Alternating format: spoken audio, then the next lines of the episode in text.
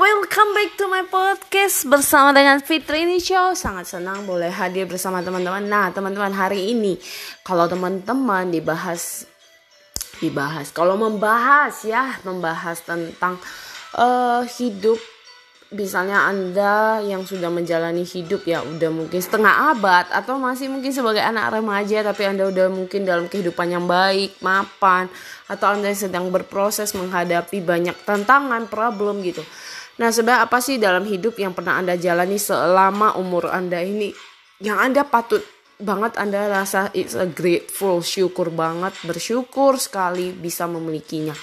Nah, bagi saya pribadi adalah di saat saya menanjak sampai usia di 30 tahun ini adalah saya bersyukur bahwa hidup yang masih boleh menjadi inspirasi ya bahwa di saat dua tahun dua setengah tahun terakhir ini saya menemukan bagaimana uh, Tuhan mengizinkan saya menemukan passion saya benar-benar menjalani bisnis sendiri berjuang dan bagaimana benar-benar bisa mentoring orang membimbing orang. Dan saya berpikir bahwa ini ada sebuah anugerah ya bisa melakukan ini bukan karena kehebatan saya tapi karena kebaikan yang Tuhan kasih gitu. Dan saya tetap punya impian sampai di saat nantinya kalau saya usia udah menanjak setengah abad kah dan sebagainya. Saya masih tetap berharap bahwa saya terus bisa menginspirasi orang walaupun dalam hal kecil dan saya percaya itu bisa mendapat insight yang baik.